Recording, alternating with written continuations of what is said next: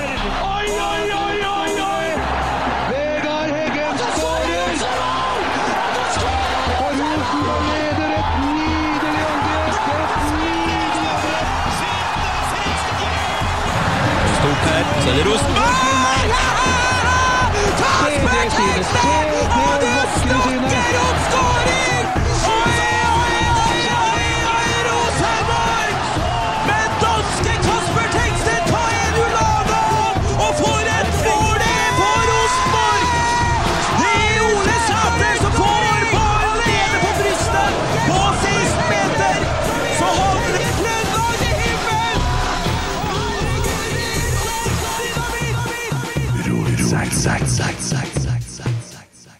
Hva syns du om den? Jo, fin den. Ja. Børsta spesial. ja, jeg kom på i dag Jeg må sjekke radioen og høre hvordan det var Hvordan det var på søndagen på NRK P1.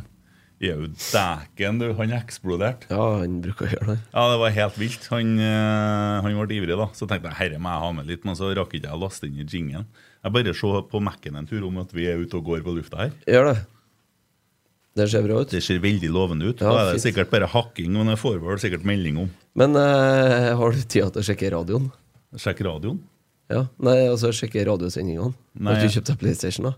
Ja, du! Um, den uh, Har du fått installert den? Ja, har Har den i gang? Ja. Eh, det var jo et spørsmål sist. Hvordan skulle jeg løse det her? Jeg har rota til å kjøpe en PlayStation og skulle ha litt hjelp av folk for å Det var ikke noe mye hjelp å få herifra, i hvert fall, om det angående det dilemmaet. Men så gikk det en faen i meg. Jeg satt i sofaen en dag sammen med Stina. eh, så ser jeg For jeg har fått melding om at den lå på posten, ikke sant? Mm. Så jeg, du, um, dro inn ganske bra på spillinga på Røros. Ble, det, det har kommet inn en del i det siste. Jeg vurderer om jeg skal investere i en PlayStation 5 nå. Ja, hvis du mener at det Hva koster det, da? Nei, 7500-10 000. Ja, OK. Nei, men hvis du Det, det er ikke noe problem, det. Det er egentlig jævlig bra at du sier det, for jeg har allerede kjøpt det og den ligger på bossen nå. Og da må du ha flere, da. Så Ja, det gikk fint. ja. Ja, så den er installert opp og gå. Overført alt fra PlayStation 4 til PlayStation 5. Så det er lykke i heimen. Ja, så bra. Og så kom det. Men når du har gjort det, da skal jeg ha Ja, riktig. Ja. Og så er det i gang. Men, eh, nei. Da ble det 7500 til, si. Ja, men det her er litt sånn eh, din podkastepisode. Ja, endelig. Ja, I så dag er- nå får du introdusere og I dag så har vi jo med oss eh, Arve Gjelseth. Eh, Førsteamanuensis i idrettssosiologi, stemmer det? Det stemmer sånn noenlunde, ja. Ja, ved NTNU. Eh, og Roger Bremnes, Ro- RBK-medlem. Fast inventar på Øvre Øst, har jeg funnet ut etter hvert. Har stått bak meg i ti år uten at jeg visste det. Det er jeg som stod og kakka på skuldra hele tida uten å ha fått det med. Ja, sikkert. Ja. Det er jo psykose når det er på Lerkendal, vet det er det som er problemet. Vært noen borteturer i år? Jeg har vært 600 mil med borteturer i år Ja. uten seier, så nå Ja. må det bli mot Molde. Ja. Ja. ja. Du skal dit òg? Jeg vet ikke om jeg tørs, da. 600 mil uten seier. Ja, det er Men uavgjort, da. Svir det, Ja, jeg det med bensinprisene som er nå? Ja, det gjør det. Men uh, det er veldig artig da, etter pandemien også å gjøre sånne ting. Og så Ja. Støtte laget er jo viktig. Ja. Ja.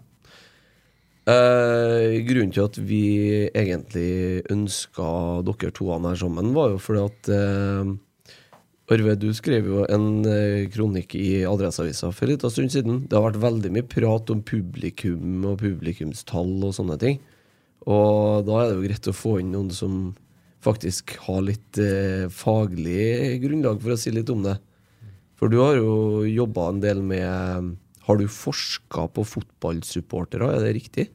Ja, jeg skrev en doktoravhandling for 16 år siden om norske supportere og hvordan de forholder seg til ulike typer kommersialisering av fotball. Ja. eh, som jeg disputerte på ved Universitetet i Bergen. Eh, og siden så har jeg jo holdt på en del med det, og, jeg har jo fulgt fotball ganske tett i eh, nesten 50 år, også på andre måter. Eh, og så kjenner jeg jo til en del studier av publikumskultur, publikumstall og sånn, men jeg kan jo, det er jo publikumskultur og ulike måter å se fotball på i forhold til andre idretter, i forhold til andre typer kulturarrangementer og sånn, som jeg eh, som jeg er på en måte ekspert på. Ja. Men det gjør jo at jeg mener jeg har godt kvalifiserte eh, oppfatninger av hvordan eh, Eller hva som er mer og mindre vellykket når man skal lage et kamparrangement, da, enten det er på Lerkendal eller hvor det måtte være. Ja, men eh, kan vi bare begynne helt enkelt, da. Hva skiller en fotballsupporter fra en som går på håndballkamp, går på hopprenn, langrenn, altså andre idrettsarrangement? Generelt så er den viktigste forskjell, En av de tydeligste forskjellene man ser i sånne kvantitative studier der du spør mange, er at eh, fotballsupportere er litt mer opptatt av eh, resultatet enn folk på andre idretter. Og de er litt mer interessert i, eh, i det som foregår. Og, og, og, og gjennomgående kanskje også litt mer lojale enn f.eks. håndballsupportere. Eh, hvis, men eh, hvis man ser på hvordan de faktisk oppfører seg, så vil man se at fotballsupportere i mye større grad, og det gjelder ikke bare supportere, altså kjernen som står og synger, og sånn, men det gjelder på en måte de som er regelmessig på Lerkendal. Ja.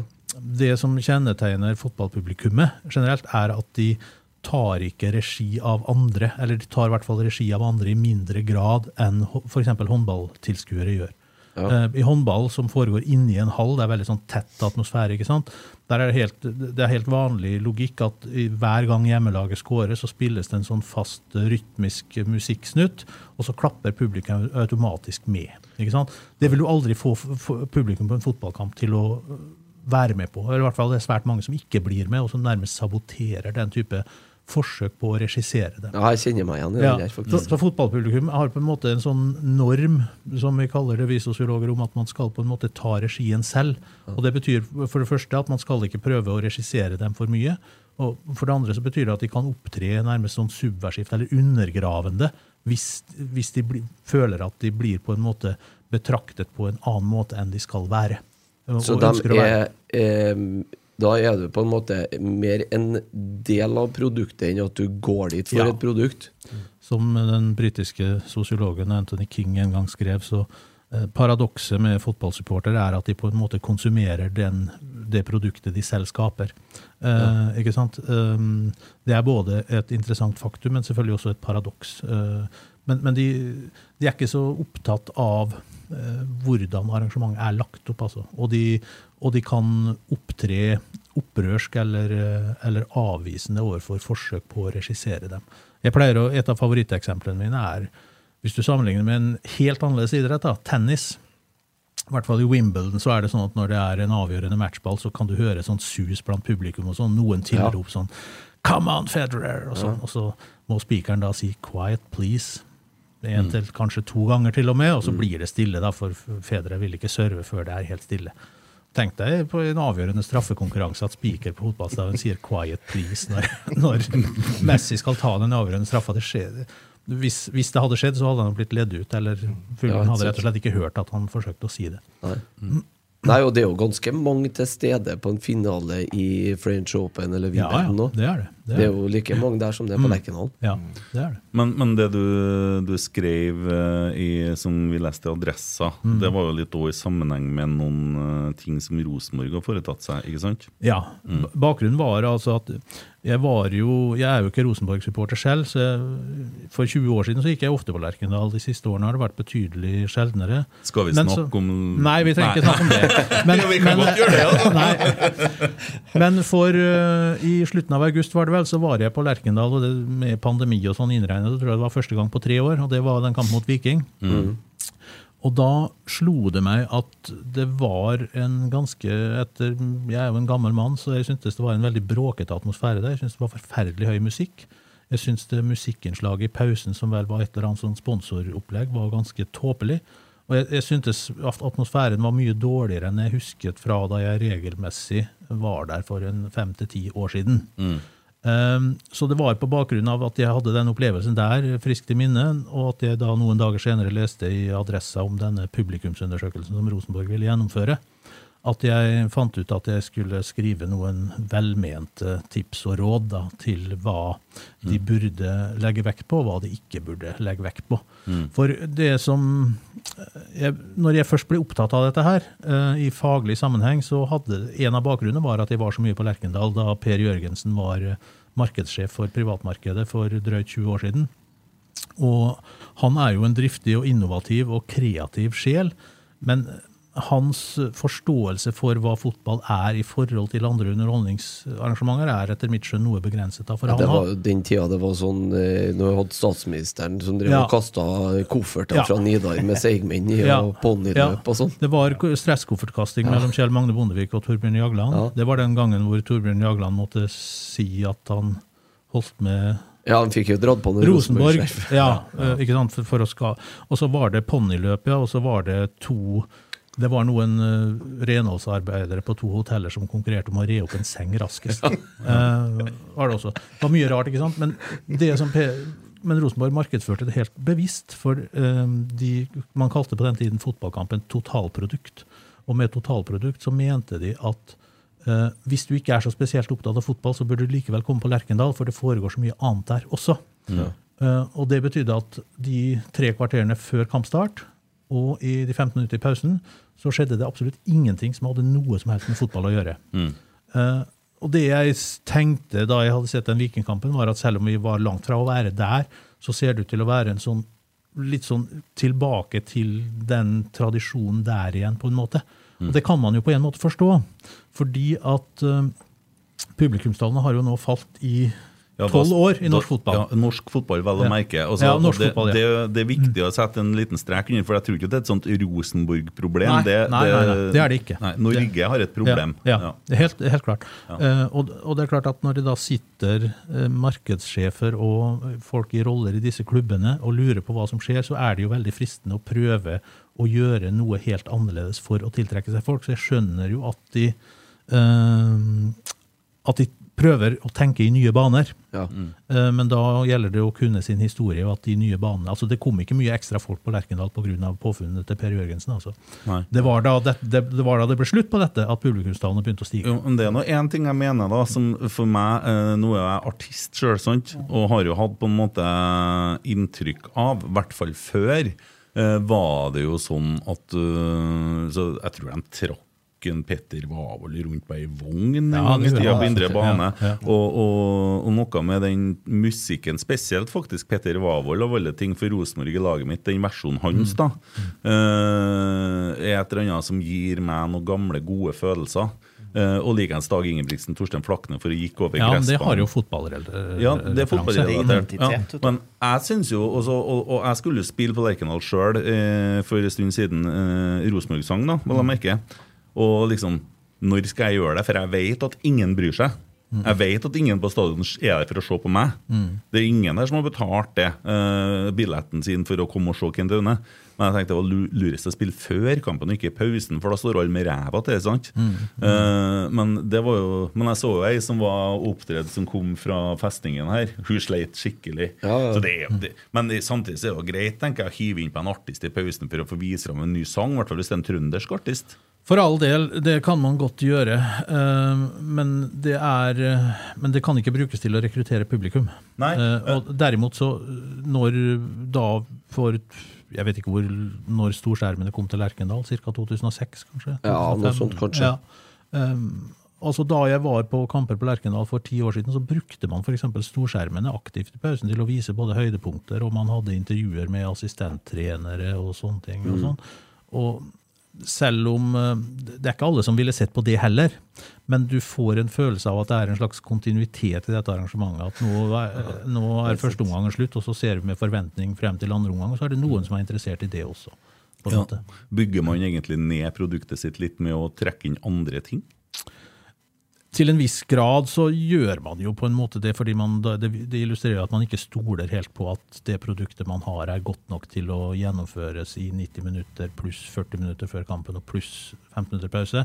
Folk må ha et avbrekk. Ja. Men, men altså, pausen kan godt representere først og fremst et avbrekk. Folk går i kiosken, og, og kjernen tar, hviler stemmebåndene litt, og, og folk prater med sidemannen og sånn.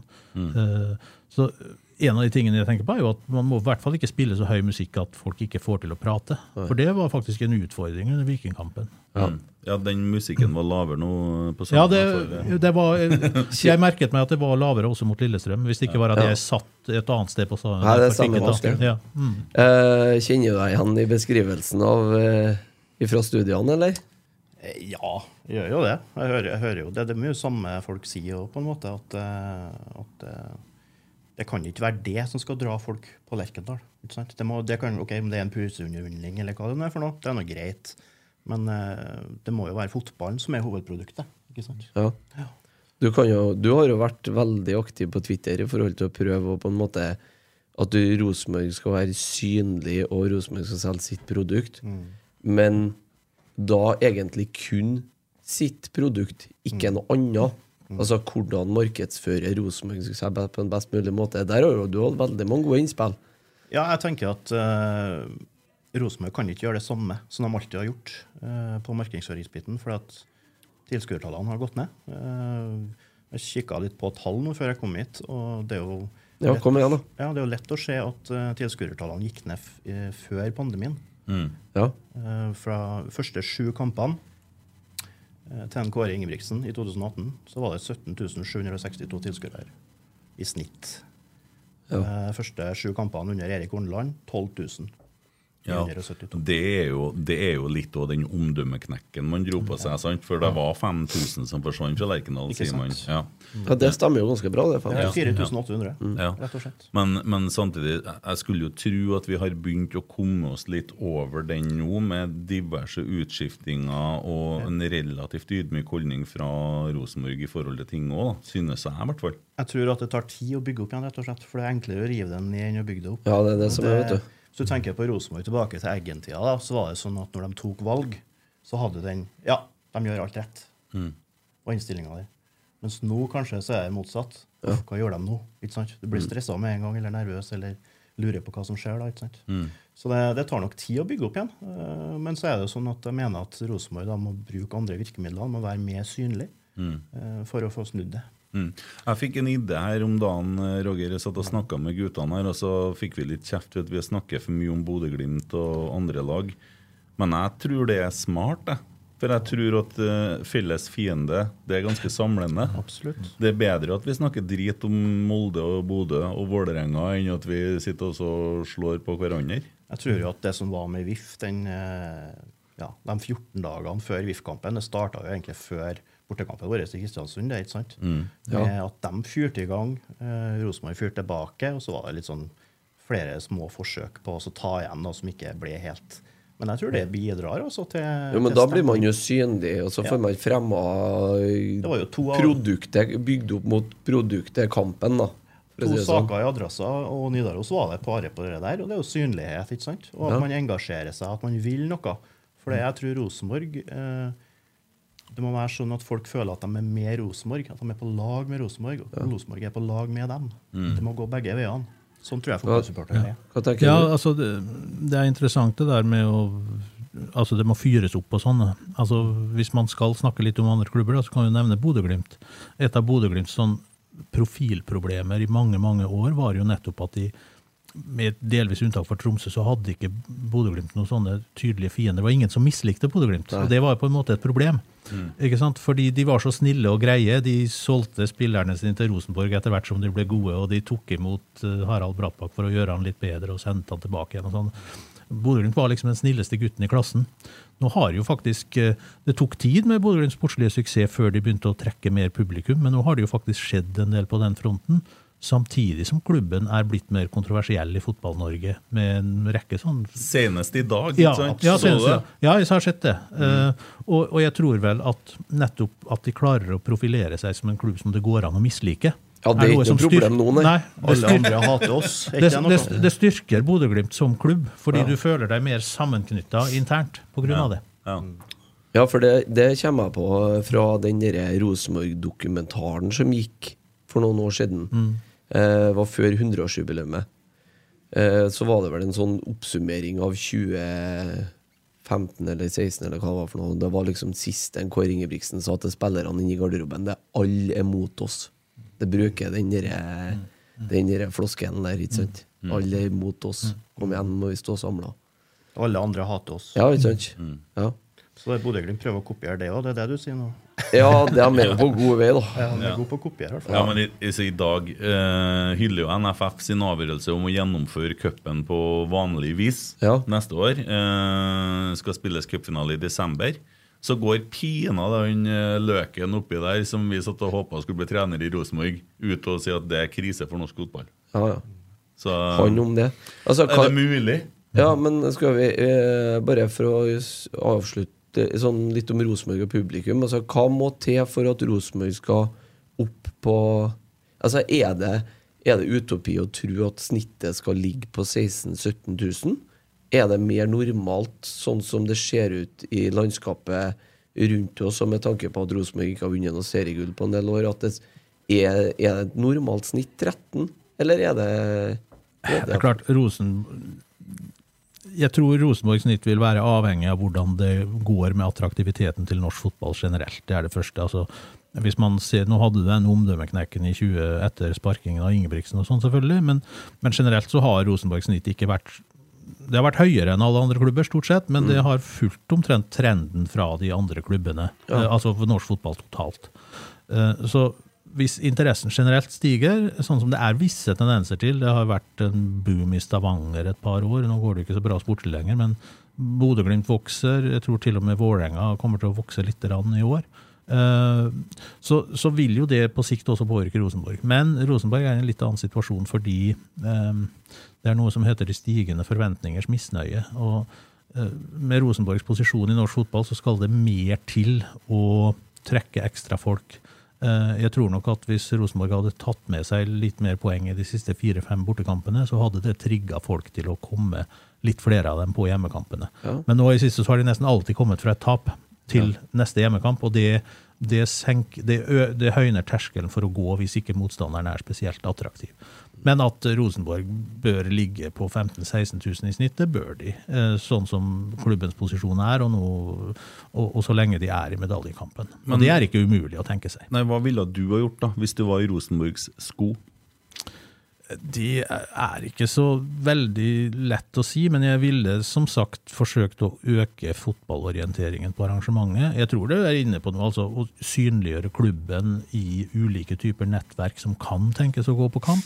Um, jeg ville kanskje forsøkt å undersøke på ungdomsskoler og videregående skoler hva som skal til for å få folk til å gå på kamp, og da tenker jeg ikke på å invitere en hel skoleklasse eller, eller noe sånt som, som man av og til gjør for en billig penge, men mer forsøke å finne ut hva slags mekanismer som bidrar til avgjørelsen om at en gjeng 14-åringer, om de drar på Lerkendal eller ikke, hva slags vurderinger gjør de? Hvordan er muligheten til å være på sosiale medier mens du er på Lerkendal? Eh, hvor interessert er de i fotball? Eh, Rett og slett en spørreundersøkelse? Nei, kanskje også mer sånn kvalitativ miljøundersøkelse. Forsøke å ha noen gruppesamtaler med skoleklasser og sånne ting, og forsøke å finne ut hvordan de resonnerer rundt det med fotball. Altså. Ja.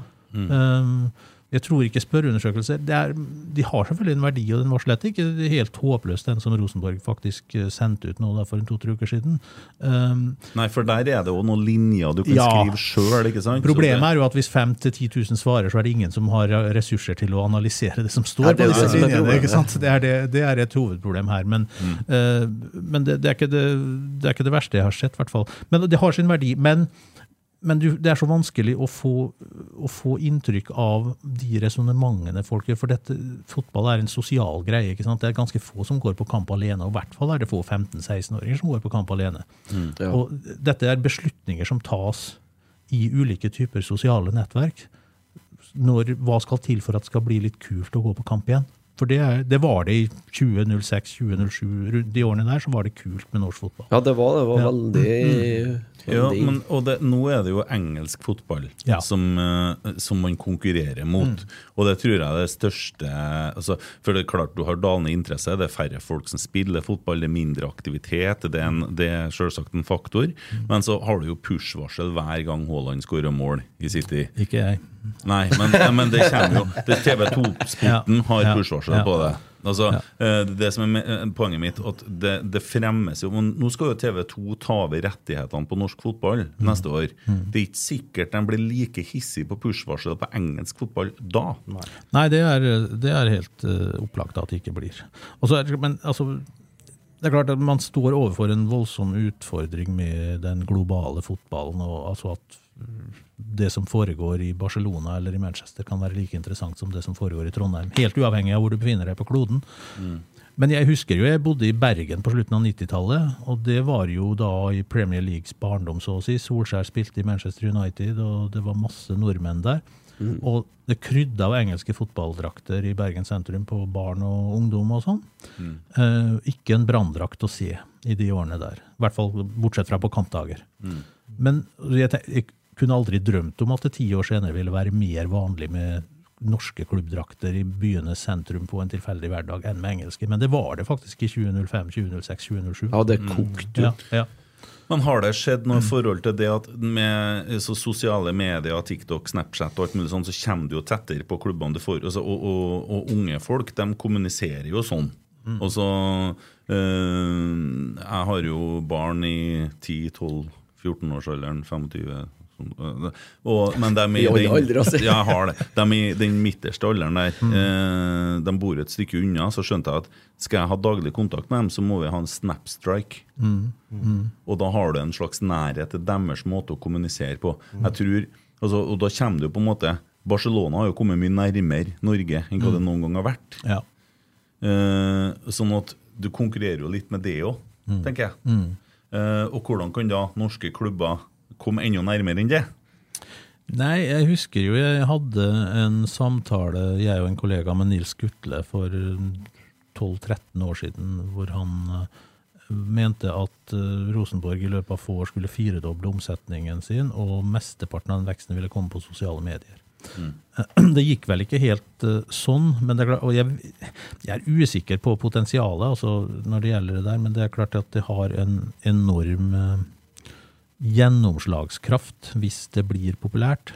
Eh, og da er jo spørsmålet, da, hvis man har den Sosiale medier er jo en blanding av nærhet og avstand, kan man si. Altså Nærheten mellom Trondheim og Rosenborg er ganske opplagt. Det er en geografisk nærhet. Ja. Eh, nærheten til Barcelona Du kan føle deg tett på Barcelona hvis du får nyheter om spillerne, hvis du ser dem i personlige eller til og med private sammenhenger og sånn. Men samtidig så er det jo på en måte Det er jo mediert, som vi sier. altså Det er via medier.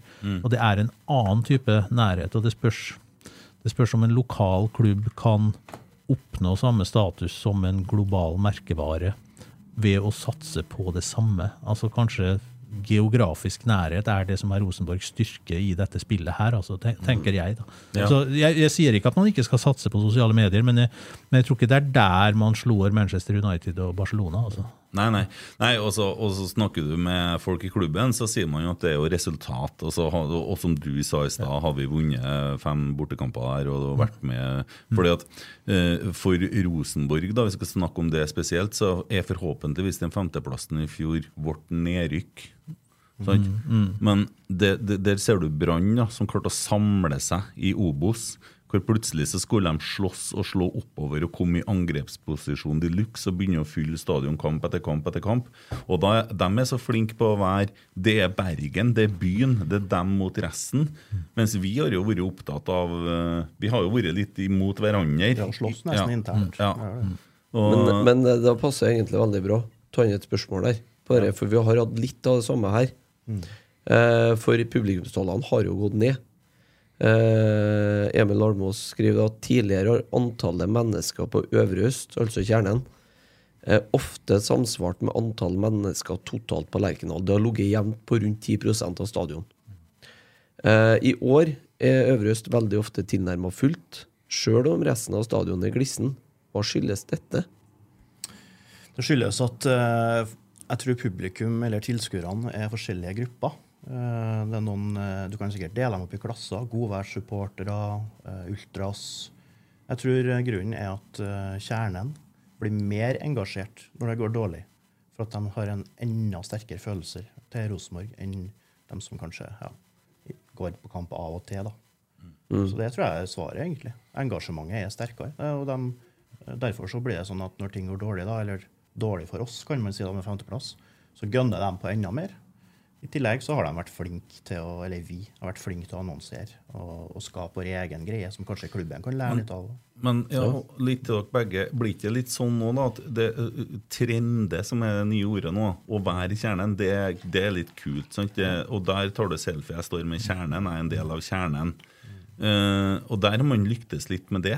kanskje? Ja, absolutt. Eh, Jeg syns Øvre Øst er nye folk hver gang. Eh, Fylles opp på sidene. Det er masse unger. Det ser jo du òg, Christer, at det fylles opp med unger. Ja. Kjempekult. Ja, men Jeg nå- bidro bra nå til selv sist nå. Nå er det bevegelse på sida nå, Roger. Det? Og det så jeg nå, nå på søndag.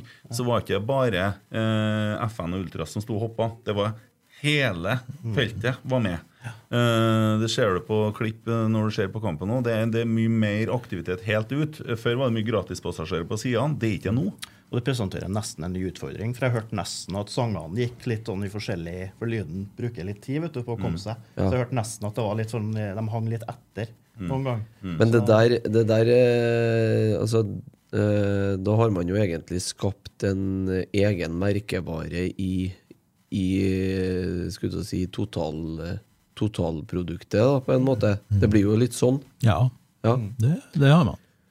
Eller kjernen har gjort det. ja. Eh, og sånne supportergrupperinger holder jo, kan jo holde det gående i, over en ganske lang periode. Og som, og som det sies her, så, så er det jo nærliggende å tolke at kjernen utgjør en økende andel av publikum på Lerkendal, med at kjernen er mer lojale. Ja. Altså det, skal, det, det, er, det er lavere terskel for å gå på kamp uansett resultat. Eh, den, den litt mer sånn pessimistiske tolkningen er jo at eh, kjernens dominans på Lerkendal får andre til å slutte å gå på kamp. Eh, det er jo også mulig å tenke tenke det, seg. ja.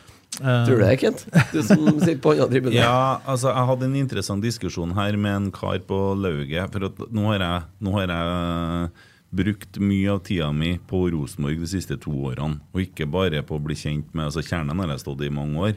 Men jeg har uh, sittet sammen med Kallan i lauget, jeg har vært sammen med folk i administrasjonen. Også I det hele tatt all over. Jeg tror jeg har sittet på alle eh, feltene du kan sitte på Lerkendal òg.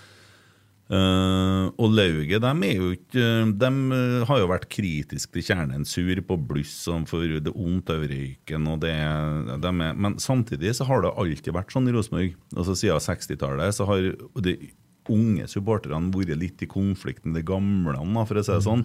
Og, og det har man jo sett på medlemsmøter. Så har det vært to litt uenige så jeg spurte han her om dagen hva gjør dere nå, da, når at, i og med at Mini eh, Og der tror jeg du har et, eh, en case òg. For ikke Mini og, og Bent og gjengen der, de er ikke med i lauget. Det er ikke, eh, de har aldri vært der. Så lauget de har jo et problem nå, for de begynner å felle ifra. Eh, så til slutt så er det kjernen som er gamlekallene. da. Da sitter vi og krangler med de yngre. Ja, da må det lyskjernen da, som blir Alt var bedre før. Ja, ja, ja. Nei, så, så de har jo ikke klart å, å, å så, uh, De har ikke noe, kommer ikke noe inn der. Uh, og, og det er òg et signal.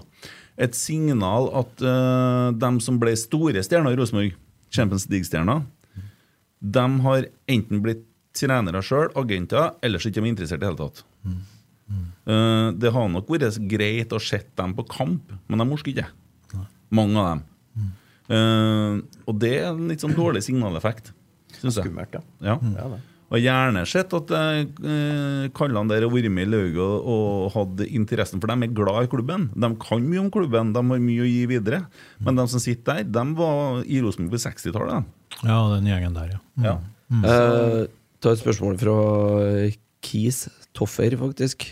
Um, og det er spørsmålet deg, Arve. Har du vært i kontakt med Rosenborg etter uh, du skrev den Ja, det har jeg vært. Har det? Jeg har til og med hatt et uh, digitalt møte med to stykker i Rosenborg Ja. om kamparrangementer. Hvordan, hvordan, uh, hvordan få fylt Lerkendal?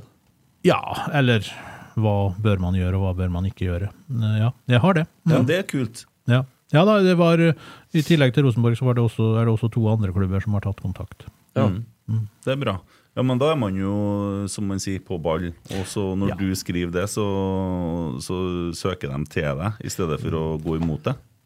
Ja, jeg tror ikke det er noen som noen gang har gått imot meg, men, men, eller vi som holder på med dette her, da, men jeg, jeg har vært litt overrasket av og til over den påfallende begrensede interessen det har vært for det jeg og en del kolleger har drevet med.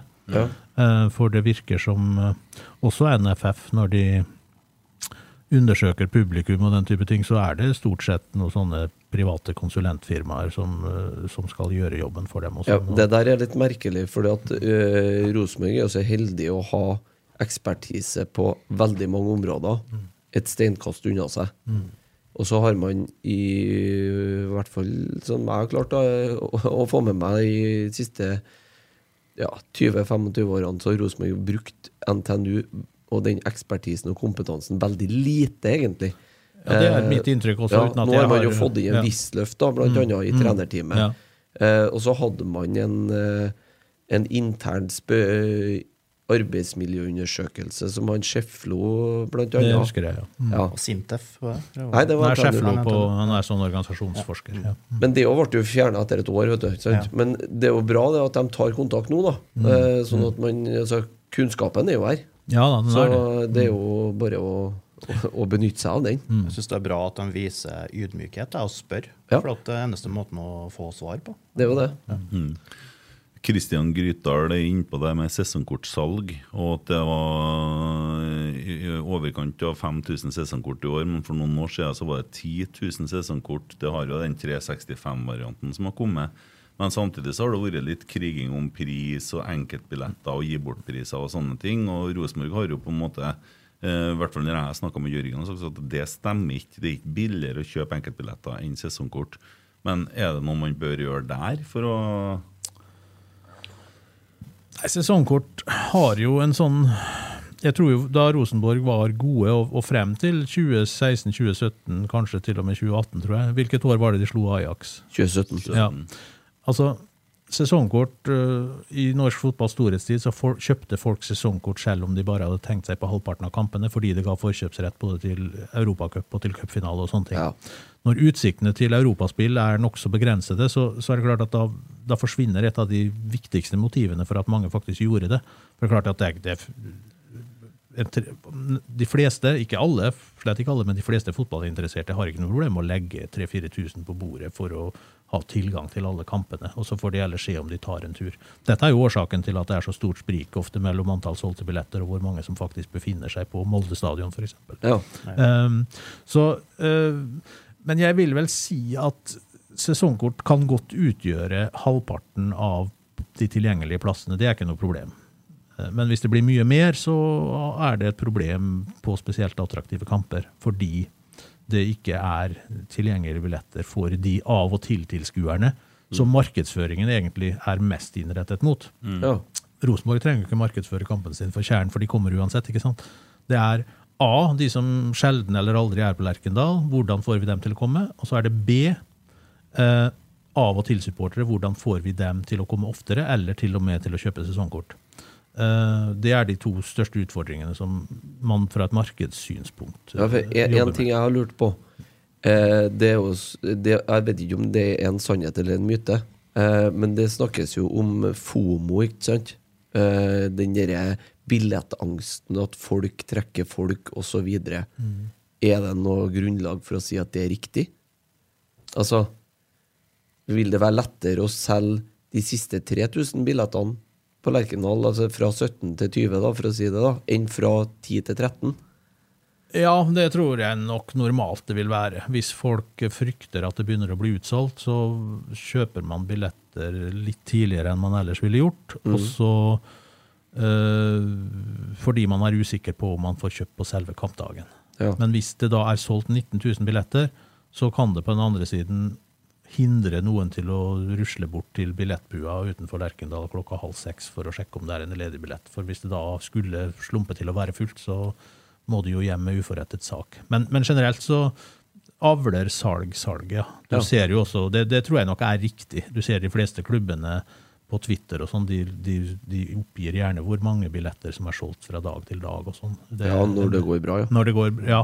Og hvis det ikke går så bra, også, så prøver de å sukre pillen med at det går egentlig ikke så verst likevel. Det er så og så mange dager til Ja, kamp. og sånn.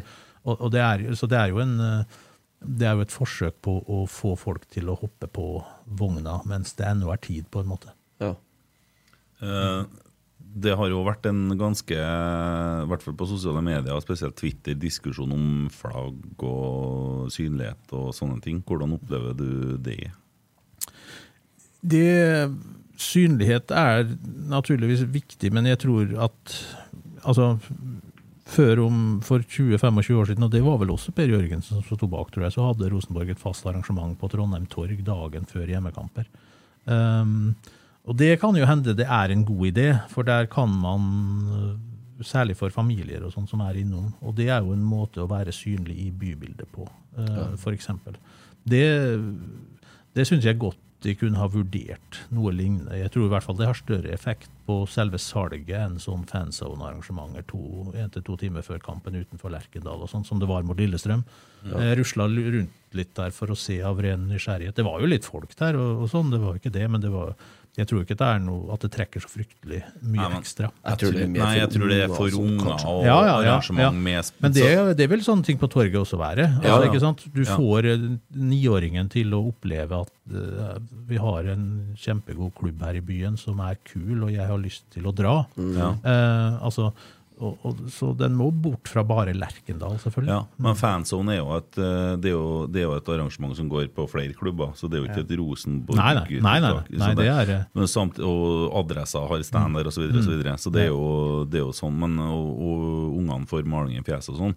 Men jeg er helt enig med deg. Altså, forskjellen på Trondheim Torg nå og den gang er vel at det kanskje ikke er fullt så mye folk på Trondheim Torg nå fordi at det er flytta til store kjøpesenter, så man Ja. burde kanskje ha stått Ja, på men på lørdager er det tross alt litt folk i Trondheim, altså. Ja, ja, ja. Eh, Det er det. Men det, det er klart det kan gå, kunne godt ha vurdert eh, City Syd for den del i stedet. Altså det, det kan godt tenkes. Jeg er ikke så ofte på Var City Syd. ikke. Rosenborg-shop òg der før? For City Syd? Nei, jeg tror ikke det var på torget, i hvert fall. Ja, Munkegata var det. Ja. Munkegata var jo toppen av G-sporten der. Etasjen. Eller. Eh, men, og så hadde de jo egen Rosenborg-shop på torget en stund, vet du. Ja. Men kjøpesenter tror jeg er lurt, da. Altså City Syd og City Lade har 70 000 besøkende i snitt på ei uke. Ja. Tenk deg det. Ja. ja, det er ganske mye. ja, og når ungene ser det, da, så får de si 'mamma, jeg vil dit'. Så er jo Ja, Coop en av hovedsponsorene i tillegg, så Det er 70 000 hver, altså. Ja. På to kjøpesenter. Mm. Svære folkemengder. ja, det er klart det. Altså, det er jo eh, 70 000 som bor i Drammen, eller? Noe sånt? Ja, noe sånt. Ja. Nei, du må nå folk der de er, da. Ikke sant? Det er det som er trikset. Og folk er jo forskjellige. Det er forskjellige typer av publikum på Lerkendal òg. Du har jo familier. Hvor mange, hvor mange tror du kommer på lørdag, da? Eh, Skal vi eh, håpe på 12 000, da. Men eh, jeg tror det blir mindre. er det høstferiepreg, kanskje? Det kan være. Mm. Jeg hører jo når jeg snakker med folk, så er det litt sånn Folk er litt avventende. Skulle så det, det er jo lørdag, og, så, og der har du jo en ting, da. Eh, halvparten av dem som har vært på Lerkendal, det er jo ikke trondhjemmere engang. Det er jo fra Nord-Trøndelag og Fosen. Eh, og det har vært litt sånn, vi har snakka om det så mye, parkering, tilgjengelighet, eh, så det å komme seg hit og sånne ting. og at det har blitt litt lengre, da, uh, sammen med alt det andre. Uh, men ja, det å vinne igjen dem òg, tror jeg Jeg bor jo på Nardo. Um, jeg, jeg har inntrykk av at det er mindre sånn villparkering oppover Torbjørn Bratsvold Ja, og det- sånn enn det var før. det bøtelegges, Det er bøtelegges. Ja, Ja, ja. Mm. Ja, Der har vi jo spurt klubben om det ikke går an å snakke med Trondheim Parkering for å gi litt slekke på andre sida av brua her. Og på Ja. Byåsen var det jo store bilene hulter til bulter. Det gjør det ikke nå, for du får bøter. Ja. Så alt det har blitt fryktelig mye vanskeligere. Før var det jo kaos. Det var jo Ja, grasflekk, liksom, så sto en bil der. Ja. Så, Og det er jo sånne ting som eh, Det gjør det vanskeligere å komme seg på kamp. Sant? Har det vært like vanskelig å parkere utom City Syd, så har du jo ikke dratt dit. Nei, har nei, Så, så det er jo sånn. Ja, for det Men uh, Nei, Hvis folk kommer det- fra Fosen og, og Steinkjer og sånn, så skjønner jeg det jo. Mm. Uh, jeg vet ikke folk som bor på Strindheim, de, det er ingen der som kjører på kamp, vil jeg tro. Sannsynligvis. Det er dem som fær ti minutter før kampen er ferdig òg. Ja, det er kanskje det. For å rekke seg slippe køen. Jeg syns jo liksom det er Det går så mye busser her i byen og at det burde ikke være noen stor sak, syns nå jeg, da. Men Nei. Det er ikke så lett å ta buss hjem etter kamp. Altså. Jeg bruker å gjøre det til Byåsen. Og det er mange tusen som går nedover eh, Strandveien der da, og skal ned på den holdeplassen der da, og nå den bussen som går. Og så går det to stykker til da, klokka åtte i timen. liksom. Så må- Ja, gjør det der Er det et tiltak som gjør at flere Altså eh, lettvint kollektivtransport, tror du at det har noe for seg? Å ja. Ja. Det er klart det. At det legges Og til hvis, rette. hvis det hadde vært uh, 3000 parkeringsplasser rett ved Lerkendal, så Ja. ville det også fått flere til å komme, helt sikkert. Ja. Men det er ikke praktisk mulig. Ikke Nei, sant? det er det det, det er, men at tilgang uh, det, det er ikke så mange som bor innenfor gåavstand fra Lerkendal. ikke sant? Det, hvordan du kommer deg dit, er et nøkkelspørsmål. Og, Ja. og ikke minst hvis du har med deg barn, så er det, bør det ikke gå altfor lang tid før du er hjemme igjen heller. Nei. Skal vi snakke litt om cupen, eller? Ja, Og litt fotballpolitikk, kanskje? Eh, cupen er jo bestemt i dag at skal eh, heldigvis tilbake i riktig format. Mm. Eh, er du glad for det, Roger? Jeg er veldig glad for det. Ja. Eh, Jeg syns cupen sånn som den har vært, er jo rett og slett å ødelegge den. Eh, Jeg har sett noen som mener, og det er stort sett moldensere, at det er veldig fint å gå i kortarmer i cupfinalen i mai eller i, Ja, ja. i mars. og Bodø. Og Bodø. Ja. Så to klubber da, Ja. som uh, syns det er flott. Mm. Og så tror jeg cupen er jo mer enn cupfinalen. ikke sant? Det er jo breddeklubber, det er jo vafler med jordbærsyltetøy og Ja, ja, ja. det ja. der. Så derfor Første er- og andre runde er jo Første og andre runde. det Problemet med cupen er jo det fra tredje runde til og med kvartfinalene, kanskje. Semifinalene bruker jo være ganske bra besøkt, i hvert fall. Men der må man lage en egen greie, tror jeg. Det tror jeg kanskje NFF og NTF og alle, alle klubbene skal Ja. se på hva man kan gjøre for Hva- å gjøre cu- cupen mer spennende. Hva er fornuftig med cupen? Er det fornuftig å spille den sånn som den alltid har vært? Altså tradisjonen Ja, Hvis det ikke finnes veldig gode argumenter for å gjøre ting på en annen måte, så bør man gjøre ting som det alltid har vært gjort. Ja. Eh, Det, er, det har fotballen Altså fotballen er den idretten som sannsynligvis har endret ting minst i så måte. Eh, De siste, altså det er nesten 100 år siden den siste virkelig vesentlige regelendringen ble gjort, f.eks. i fotball. Ja. Så hvis det ikke finnes veldig gode argumenter for å gjøre noe helt annet, så bør cupen starte i mars eller april og avsluttes i november eller desember. Ja. Det er det opplagt. Men det som er cupens problem, er jo at den blir på en måte ikke kjempeviktig før du er nesten i mål. Altså, Cupen skiller seg veldig fra ligaen ved at den absolutt verste plasseringen du kan få, er andreplass. Ja. Eh, ikke sant? Det er, eh, det er bedre å bli slått ut i semifinalen enn å ta finalen. Og tilsvarende. Ja. Blir du slått ut i tredje runde eller fjerde runde, så, så er du skuffet en dag, og så glemmer du hele greia. Mm. Lykke til neste år. Men å tape en semifinale er fælt, og å tape en finale er enda verre. Ja, det er vesentlig billigere å tape semifinalen. Det er. Ja. Ja. Ja, Apropos billig, det ser ut som vi får neste runde av cupen i Viking. Eh, De har i så fall gått opp til 1-0 i første ekstraomgang mot. Kristiansund. Ja, den kampen den skal jo spilles om sju måneder, eller noe sånt. Ja, ja, ja. Men jeg jeg tror nok at uh, noen som eh, trener vårt lag, eh, gjerne har tatt heller en tur til Kristiansund. Ja, ja, Det er ja. litt kortere. Ja, jeg er helt enig i det. Det blir bortekamp, og det blir ikke det. Det er bortekamp, ja. Ja. Så, men igjen, da, skal du være sikker på å gå videre, så kan jo Viking være Nei, oi sant, det her kan plutselig bli skrevet skjermbok. Hva er det han sier der? Eh, Norges Fotballforbund hadde jo en pressekonferanse i dag, klokka to. Var jeg der i dag? Ja, eh, med. Klavenes og Karl Petter Løkken. Ja. Eh, der eh, er det jo kommet nå ei ny serie et, En seriekomité som skal gå gjennom eh, De skal først og fremst se på det med sluttspill i toppserien, men vi vet jo alle hva det betyr. Det betyr jo at uh, de er prøvekaniner, og så skal man teste ut på Eliteserien etterpå. Eh, og Arve og Daniel Strand og sistemann husker ikke jeg. Christian Berg. Ja, Christian Berg, ja.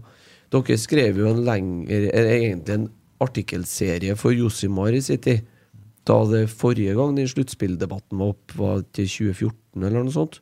2014-15. Altså, bare for å presisere historien. Det som Ja. skjedde, var at eh, det nederlandske konsulentselskapet Hypercube publiserte en rapport om en sånn ny seriemodell i 2014. Da Ja. var det Christian Berg og jeg som skrev en, eh, en kritisk analyse av det. Og vi var til og med på møter med disse Hypercube-folka og sånn. Men da ble det så mye bøss om dette at de ga seg ganske fort. Men de kom tilbake året etterpå.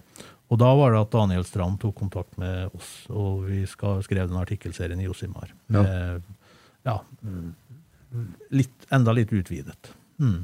Men altså, hva, hva tror du da er hensikten med å nå starte opp igjen med det altså, For det ble jo dømt nord og ned den gangen, og den gangen ble det jo til og med innpakka eh, i en slags sånn eh, Kall det et kinderegg.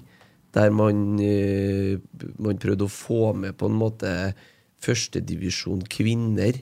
Eh, omlegging av det inn i et sluttspill for eh, serien for herrer og sånn. Egentlig for å binde en del klubber på hender og føtter til å stemme for det forslaget. Ja, man la inn en del fordeler for lagene på nivå to og tre Ja. eh, for å få dem til å stemme for det, for da ble det jo flertall Mm. for uh, uavhengig av hva eliteserieklubbene mente. Ja, for uh. Eliteserien Ja. Obos er jo relativt lite Ja. i forhold til Ja. bredden på tinget. Ja. Eh, Så det var den store Det trikset de gjorde i 2015 for å få dette gjennom. Men de ga opp uten at det var noe realitetsvotering da også.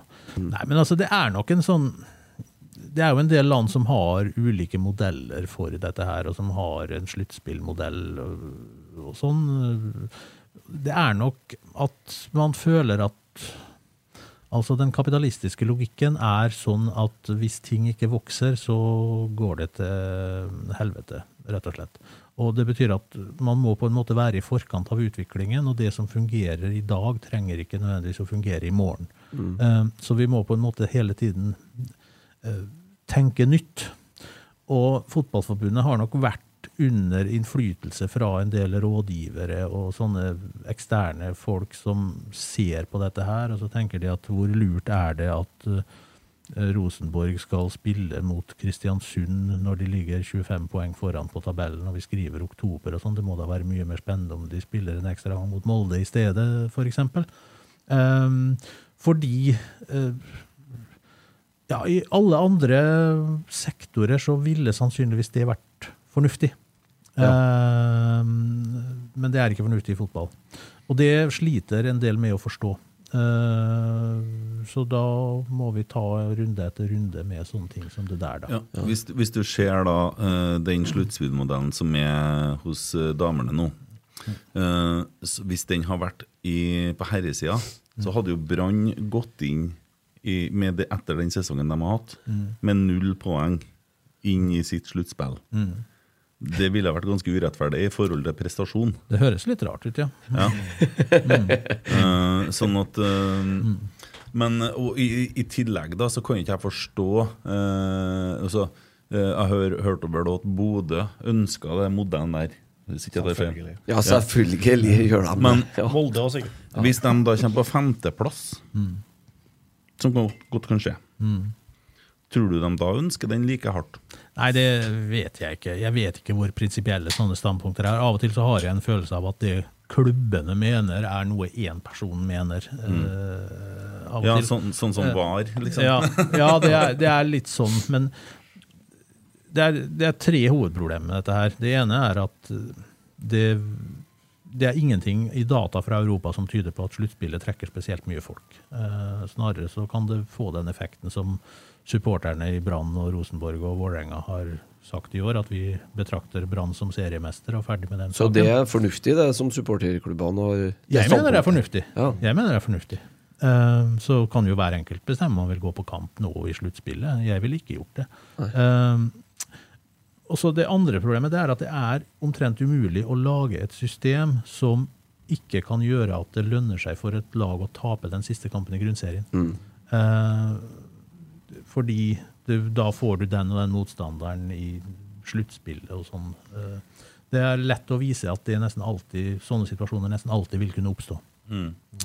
Og det tredje er jo rett og slett altså sportslig rettferdighet. Hvis eh, et lag har vært eh, klart best i grunnspillet, og så ryker på et uheldig tap eller til og med et feildømt straffespark i sluttspillet, altså, så skal det avgjøre serien, som skal kåre mesteren over et tidsspenn.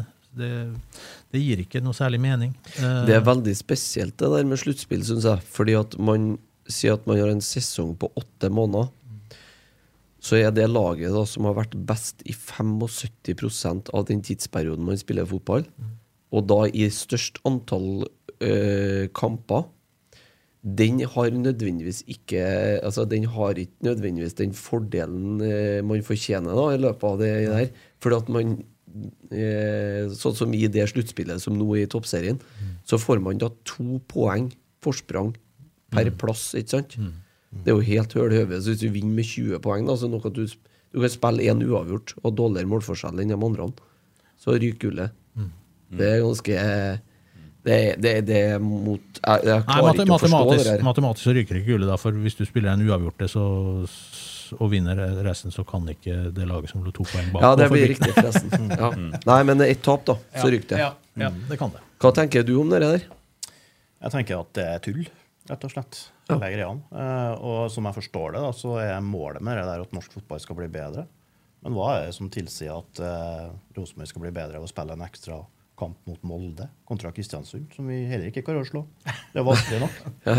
Nei. Og sånn er det jo for de fleste lagene Ja. Du ser på Kristiansund, du ser på Jerv. Eh, de har jo slått opp lagene, flere av dem. Mm. Så det er vanskelig nok kamper. Jeg syns jo det har sin sjarm det der, og så Ja. får du noen Askeladd-historier, sånn type Ranheim i 2017-2018, hva det var for noe, eh, der du får plutselig en sånn en, og det, det er en litt sånn artig og, og så er det jo ikke noe som er mer rettferdig. deg, Du møter alle lag hjemme og borte. Og hvor artig er det å møte Molde fire ganger i året? Ja, da vanner man jo ut. Eh, altså hvis Ta, ta nå eksempel Lillestrøm-Vålerenga, da, som er per nå det, det derbyet, eller den kampen i Norge som det er størst eh, trøkk rundt. Altså Vårt rivaleri med Molde er jo dødt omtrent. For dem, der er det jo ikke folk på kamp. Men hvis de skulle begynt å møtes fire ganger, da, i løpet, og kanskje møtes de i cupen, da, så blir det fem ganger. Da vanner du jo ut det produktet. Ja. Det er noe som heter at uh, du, må, du må betrakte altså, storkampene som desserter, og så er det kampene mot Kristiansund og Jerv, de skal også spilles, og det er hverdagene. Og, Ja. og hvis det er kake hver dag, så smaker ikke kaken like godt. Eh, Det tredje og fjerde stykket smaker ikke like godt. Nei. Nei. Og så med blussinga der, vet du. Skal ikke være hele tida. Nei, det skal ikke Men det, er jo no, det, det handler jo om å få opp antallet kamper her, så vidt jeg forstår. Ja, så vidt jeg forstår. Og det, jeg tror jo at 30 kamper i serien per år er nok med den norske geografien og men- klimaet. Eh, Jeg, jeg har på følelsen at det de kommer til å lande på nå, det blir en slags Royal League-greie. Ja, Men det tror jeg ikke er så dumt. Nei, Eh, det Man ikke. kunne f.eks. ha spilt en turnering i Spania. Mm. Um, den er, hvis du hadde en sånn turnering i januar-februar f.eks., så ser jeg ikke bort fra at det kunne generert en del TV-seere.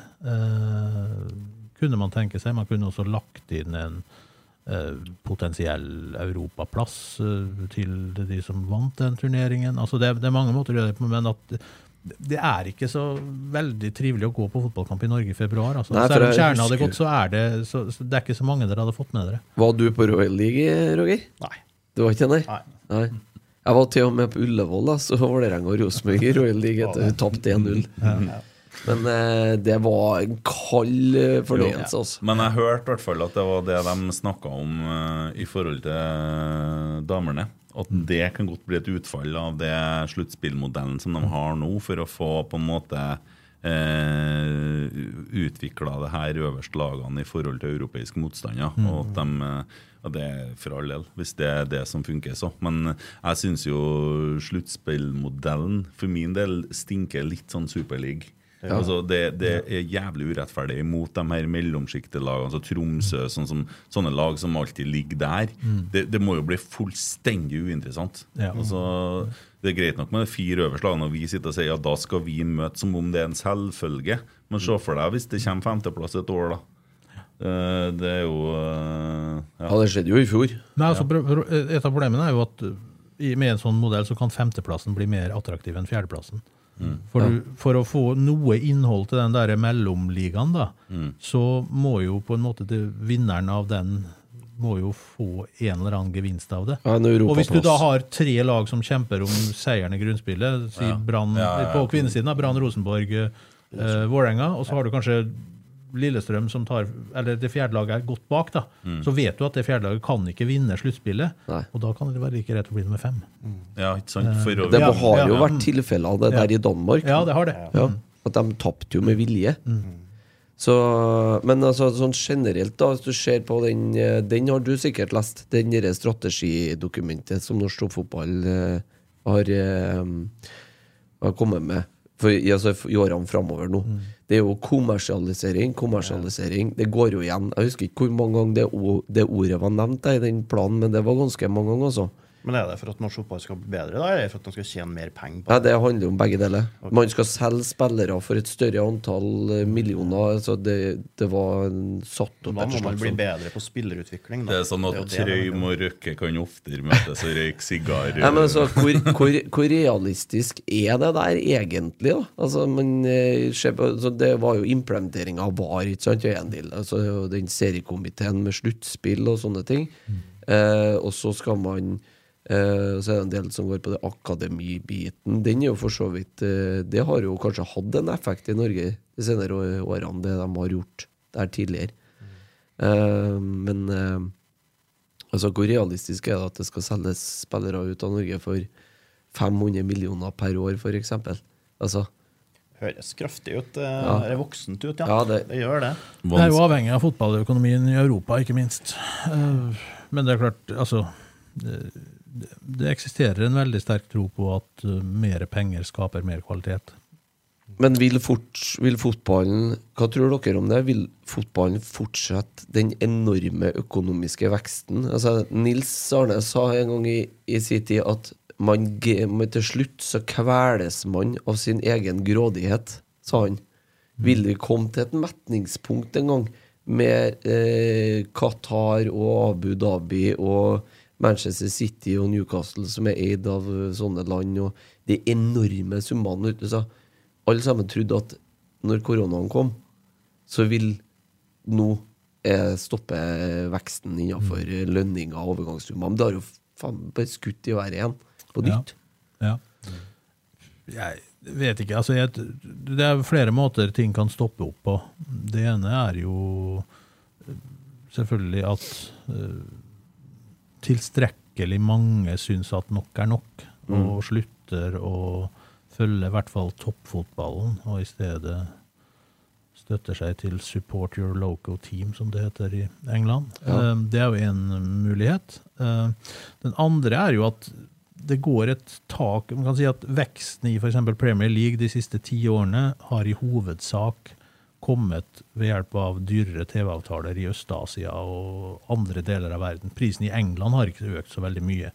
For det er Betalingsevnen er tross alt begrenset eh, der også. Så veksten skyldes at det har blitt så enormt populært i Malaysia og Kina og Singapore og, og sånne ting. Ja, nå er det vel historisk første gangen at de har signert en større til, altså større eh, avtale på utsida av England enn i England. Ja. Så, men det vil jo også ta slutt en gang. Eh, pluss at der er konkurransen mye hardere med Spania, og det finnes jo land hvor spansk fotball er mye mer populært enn engelsk, f.eks. Så det er jo en sånn kamp mellom særlig England og, og, og Spania. Da. Men det som er problemet, er jo at fotballen har en struktur som gjør at den disponerer for at klubber tar økonomisk risiko. En av de i og for seg rasjonelle grunnene som f.eks. Real Madrid hadde til å gå inn for denne superligaen, var jo på en måte å få satt et lønnstak, sånn at utgiftene ikke hele tiden skulle Uansett hvor mye penger du tjener, så går det ut i lønninger og agenter og alt som er. ikke sant? Fordi at eh, Tenk deg særlig Norge. Rosenborg har tenkt å bli seriemester i 2023. Men det har Molde også, og det har Bodø-Glimt også. Og da ligger det en potensiell Champions League-plass i potten. ikke sant? Og da må du på en måte, hvis du har tenkt å vinne denne jævla serien, så må du budsjettere med at du faktisk skal vinne, og da må du ta litt sjanser. 150 millioner. ja, du, må, du må legge en million mer på bordet for den og den spilleren enn Molde gjør, og enn Bodø-Glimt gjør. Og så tenker Molde og Bodø-Glimt likedan. Og så er det fortsatt bare én som blir seriemester, så to vil mislykkes, og én lykkes. Det finnes 20 klubber i Norge som har som ambisjon å spille fast i Tippeligaen, men noen rykker ned uansett. Men da blir det sånn at hvis alle andre satser, så kan du i hvert fall ikke bli sittende på gjerdet og ikke satse. Og hvis ingen andre satser, vel, så trekker du vinnerloddet ved selv å ta risiko. men det er- uansett hva de andre gjør, så lønner det seg å ta økonomisk risiko. Og dette er det som driver spillelønninger og sånne ting. Ja, men da, da må jeg være litt uenig med for at Rosenborg har jo sagt helt klart ifra at he- her går streken ikke lenger. Og man har ikke kjøpt Altså Man har kjøpt for veldig mye mindre enn hva man har solgt for i år. For man har et Ja. budsjett man forholder seg til, og, og det har man gjort. Og så har man jo gått ut og sagt at vi skal være flinke på der og der, fordi vi ligger bak dem. Eh, Det skyldes jo delvis et voldsomt overforbruk de to siste årene. Ja, ja, ja, det gjør det. Og, og det er selvsagt så burde man ha gått eh, noe i sømmene der. Eh, både spillerkjøp og andre ting, sikkert. Men så spør han Stian Morsund, da. Vår nye Markeds, eh, Ja, der har vi funnet oss en karakter. fyr, det. Ja. Og Og, han, Kjerne nå, han på Ja, jo, da. Ja. Jeg traff han der i første gangen. eh, og han spør deg før kjøpet sa du at Tengstedt burde kjøpes fordi han kunne lykkes i RBK. Har du vurdert en agentkarriere eller karriere som hellig mann? Du er jo en stor, stor profet. Ah, ja, takk for Ja. det. Det var snille ord. Eh, Svaret er nei. Jeg har ikke vurdert det. Men hvis Rosenborg spør, så skal jeg si hva jeg mener. Ja. Ja, Gratis. ja, for der var du tidlig ute. Ja, jeg kikka på Tengstedt, og jeg tror jo sånn det Rosenborg må jobbe. Eh, Det bare to måter å, å vinne på. Mm. Det ene å gjøre mer, eller å gjøre det bedre. Da skal du få live sjansen her på hakkete signal på Nidaros, og for dem Men- som hører på den, muligheten men på glassklar lyd. spå, Vær så god. spå om Isak Thorvaldsson. Isak Mm. eh, må bli vant til tempoet. Eh, må holde seg i form. Eh, bra spiss. Kommer til å skåre en del mål hvis han blir brukt. Han kan også spille midtbanespiller. da. Mm. Men jeg kan også spå om Kristall eh, Mani, eller Mani Ingasson. Mm. Kjempespiller. Han har ikke sett ennå, men han er virkelig bra. Altså. Mm. Jeg får gåsehud når du snakker sjøl. Nei, han, har han har muligheten til å bli den nye Carlo Holse. Ja, Så du er veldig fornøyd med sommerens overgangsvindu? Ja, som bror din eh, vet, så var jeg så nervøs jeg, når vi holdt på å signerte en Tengstedt, at jeg skrev, skrev til ham hver dag. Har du hørt det? Hørt det? Hørt Det Kjempe, han var jeg sikker på skulle ryke, altså, for jeg så hvor god han var.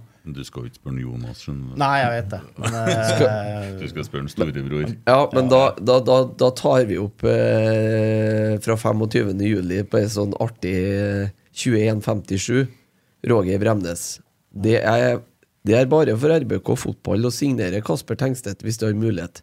Høyre spiss i 3-5-2 for Horsens. Går mye i bakgrunn, bakrom og ut på kant. Stor nok fart til å gå rundt stopper med ball. Også god i boks på innlegg, konstant i bevegelse. Kan gjøre underverker for høyresiden vår. Ja. Og, og så gjør vi sånn Stopp her, så er det Rosenborg! Ja! Kasper Tengsten! Ja, Du traff jo bra på den. ja. Traff bra på den, men de satte den på venstresida, da, så Ja, jeg ja. ja, helt om å ta litt sjølkritikk. Ja. Nei, men uh, Jeg er enig med deg i observasjonene, og også Kristall må få muligheten til å venne seg til tempo. Men det Rosenborg har vært, utrolig god på her nå, det er altså bruk altså, de har jo, Det er jo flere som har villet ha de spillerne her. Vi vet jo at Viking og Bodø-Glimt har vært på både Tengstedt og Isak, i hvert fall. Og, og det var vel noen som var interessert i en, eh, Kristall òg. Ja, ja. Så her har noen jobba veldig bra. Ja. Og- Skal ha ros for det. De har vært skikkelig gode. Og det er jo en merkant, nesten eh, sjokkerende endring i strategi da, fra Anders Konradsen og til bare unggutter. Mm. Men det er jo det som, ikke sant? Det er jo der vi kan hente penger økonomisk også. Mm. Utvikle dem og selge dem ut. For, og hvis du ser på danske, snakker om dansk liga, da, eh, og hvorfor de er så bra nå, eh, og de har jo så mye penger. De gjør akkurat det samme. FC Midtjylland Nordsjælland satte i gang et akademisystem som ligner litt på det vi har nå. Eh, ja, Kjøpenavn må regnes med. København. eh, og begynte å utvikle spillere og solgte dem ut. Mm. Når vi snakker pris på Tengstedt, så er det priceless. Ja. Og han skal være i Rosenborg i tre år. Det, vi snakker Jo, som men om Har Kasper Tengseth spilt for FC København, så vil jeg påstå at han har hatt en plass mellom 50 og 100 høyere markedsverdi enn når han spiller her. Men det er jo ikke noen grunn til at vi skal akseptere å selge den billigere. ikke sant? Altså Om vi kommer oss til Europa nå, til Conference League, så er det sikkert eh, Hvis vi går videre, eh, sluttspillet, sånn som Bodø-Glimt gjorde, så er det 80 millioner. Mm. Hvorfor skal vi da selge den for 60? Ja. Eller, Ja, ja, ja, 80? ja, det er jo Eh, Dara- Daramy, eh, spiller fra, fra, gikk fra, til Ajax, 120 mil. Eh, En annen en gikk til Wolfsburg, 120 mil. Det er det danskene selger for. Hvorfor skal ikke vi gjøre det? Mm. Nå liker jeg det. Enorme Ja, summer. Nå er du god. Ja, takk. Ja, ja. Nei, men altså, og, og, og Kasper Tengstedt han får verdien sin. Han får ikke den på å score mot Kristiansund, han får den på å så gjøre det over. Så for folk så, ah, Hvor lenge blir denne mannen i RBK? Det kan vi jo snakke om hvor media eh, kjører på med sånn der selgende norsk produkt, fotball som produkt. da For det der er sånn eh, vet ikke Det er å skjøte seg sjøl litt i foten. Ja, men Det skyldes jo at eh, altså, spillersalg er jo blant de, altså Det å selge spillere og kjøpe spillere er jo på en måte det enkleste å ta tak i for journalistikken. For det, da skjer det noe. Eh, Jeg har jo aldri skjønt eh, at deadline day er på en måte Jeg vet om folk som har sånn fester på deadline day de slår på TV klokka tre på ettermiddagen, og så sitter de til over midnatt med god mat og drikke og sånn. og Det er på en måte et av høydepunktene i sesongen. Jeg, pleier å, Og jeg, er jo, jo. Liverpool-supporter også. Jeg pleier å oppsummere før sesongstart. Jeg, nå skal vi se hvem vi har kjøpt og solgt denne gangen. Da. Jeg orker ikke følge med på sånn. Men, men det er på en måte det- er rykte Altså, det, er, det har en egen drivkraft. Kanskje han er interessert i å Det er jo sånne raske nyheter, da. Ja. Ja. Jo, jo, men Rosenborg har jo vært jævlig gode der de siste vinduene, for vi har vært ferdig lenge før deadline Ja, day. ja. Og nå har vi jo signert allerede neste altså januarvinduet har vi allerede begynt med. Mm, Og da er man på jobb, for at jeg liker ikke den siste liten-greia. Altså eh, Det har man jo sett eh, nå. Panikkjøp. Ja, nei, Det er jo grunn til å tro at spillere som kommer i siste liten, som regel er mindre veloverveid enn de som er klare i god tid. Ja, det vil jeg tro. Og så til det du sa i stad, Roger. Eh, vi hadde vel et tilbud på 40 mil på Anders Konradsen en gang. Nei, på Anders Tromsen Tronsen. Tronsen en gang, som vi takka nei til. Så vi hadde nå baller nok til det. eh, Nesten, dessverre. Men vi kunne jo ikke se i kula hvordan For han Men- ble vel skada rett Ja, etterpå. og Samuel Samuel Adegbenderud også Ja. kunne vi jo sikkert ha solgt før. ikke sant? Men det, det er jo sånn som må man ta Ja, ja. sjansen på. Og nå har vi så mye unge spillere. Er det mange, egentlig? Det er sikkert 10-15 stykker nå som Ja, det er er ganske mange. bare 20 år og under det. da. Ja, og der har du jo et poeng da Vi først snakker om kjøp og salg, vi snakker om publikum. Altså 5000 ekstra på stadion i løpet av et år tilsvarer like mye som uh, Strømsgodset tjente på å selge uh, Salvesen til Bodø-Glimt. Så ett sånn spillersalg, så har du på en måte redda inn hele mannskiten, for å si det sånn. Ja, Men du har ikke redda atmosfæren på stadion. Nei, det har du ikke. Det er bedre med Og, og, og i tillegg hva det betyr for spillet å ha en full stadion. Ja. Du, altså det kan man jo se på resultatene til Rosenborg borte og hjemme. da, Hva, hva det utgjør. Uh, sånn at, og, og, og kjernen spesielt. da, Du hører jo på innsiden i dag òg, hvor de snakker om at kjernen er altså, Jo, jo. De refererer til kjernen i pausen eller før kampen. ikke sant? Og det, det betyr noe. Ja. ja. Eh, men hvis, i 2023 så kommer endelig VAR til Norge. Eh, jeg leste en artikkel fra 2019. Hva, hva du sitter og sier for noe? det det, var, det var ironisk. Jeg leste en artikkel fra 2019, tror jeg det var, som du har skrevet om VAR. ja, jeg har skrevet flere. Jeg jobber med en nå også. Ja. Hvordan hva, altså, hva blir den der vederstyggeligheten her for noe? Blir det en ting som jager folk fra stadion, eller lokker folk til stadion, eller Nei, Publikumsmessig så er jeg usikker på om det på kort sikt har så mye å si. Eh, det er ingenting fra andre land som tyder på at det har så veldig stor betydning. Um, men eh, jeg syns det er en veldig dårlig idé. Eh, jeg, jeg skrev en artikkel i Dagbladet i 2018 hvor jeg for så vidt var sånn avventende positiv. Det var i forkant av VM. Um, og da hadde jeg tre ikke, mo, ikke tre ting som gjorde at jeg av, ville avvise VAR, men tre sånne kritiske forbehold som jeg syns Fifa ikke hadde tenkt nok på. Det ene var knytta til tidsbruken. Eh, Det andre var knyttet til at man fremstiller det som det er noe sånn du kan si om noe var straffe eller ikke, som en sånn objektivt faktum etter å ha sjekka VAR. Ja. Men det ser vi jo hele tiden, at altså, uansett om VAR dømmer den ene eller andre veien, så kan folk diskutere det der i månedsvis etterpå likevel. Jo ikke. Det- det- Fotball er, det er, det er ikke et enten-eller straffespark. og sånn, det, det er et uklart grenseland. ikke sant? Og det er ingenting, det er veldig få situasjoner Det er som veldig mye på skjønn, da. helt utvilsomme. Mm. Og det tredje argumentet var jo knyttet til den spontane gleden som forsvinner. altså jeg syns fotball er mye mindre gøy enn før i de ligaene som har VAR, fordi at hvis jeg holder med et lag, så jubler jeg alltid med forbehold. For du aner ikke hva som har skjedd fire trekk før, eller og sånn. Så jeg, jeg, jeg ville føle at hvis jeg jubler hemningsløst for noe som så blir annullert for en offside, eh, som ingen så i utgangspunktet, så ville jeg miste ansikt så veldig at det ville være pinlig. Eh, Så derfor så foretrekker jeg å ikke juble altfor overstadig, i hvert fall. Og, det, og, det, og da mister du noe av den spontaniteten Det og gleden. akkurat det der. Det er det jeg er redd for. At de kommer til å ødelegge den fotballopplevelsen for min del. For ta sånn som på lørdagen, da. Nei, søndagen. Når Ole Sæter legger ned til en Kasper Tengstedt der. Det kunne blitt hands, ja. Og når, og når du ser den ballen er på vei altså i lufta, så skjønner du at han går over keeperen. og så ser du den duppe ned. Akkurat det tiendelet der, når du skjønner at den her, den går i mål, den derre Da forsvinner hele verden. Bare galskapen. Bare få lov å øh, gå ut i fritt, øh, fri utfoldelse. Ja, sånn, ja. Akkurat den der kommer de til å ta ifra oss, er jeg redd for. Og det er hovedpoenget mitt mot å ikke For jeg mener at du som tilskuer så blir du frarøva den største gaven med fotball. Ja, det blir det. Ja. det, blir det. Sinnssyke gjerningsøyeblikket. Akkurat der. Og så, og så er det én ting til da som man tar. Fordi at hvis ting Altså, vi har jo sittet her i 100 noen og 40 episoder, og vi har jo vært fortvila òg. Men da har vi jo snakka om det. Og så den her dommeravgjørelsen i Viking med Hansen til Tore Reginiussen langt utom 16-meteren. Vi blir jo sittende i time og snakke om den. Da gjør vi jo ikke det. Nei. Nei, men det Men eneste da snakker vi om en annen dommerfeil som ikke VAR tok. ja. ja. ja, for det, og var, altså, Hva er det som tilsier at det blir rett, sjøl når de Ja. prøver å få det rett? For Ja. Jeg kan jo bare se for meg da, at uh, Eskås skal drive og dømme og fremdeles drømme hands uh, utafor fransk altså, Dommerkvaliteten er jo dårlig. Det er jo derfor de mener at den trenger VAR.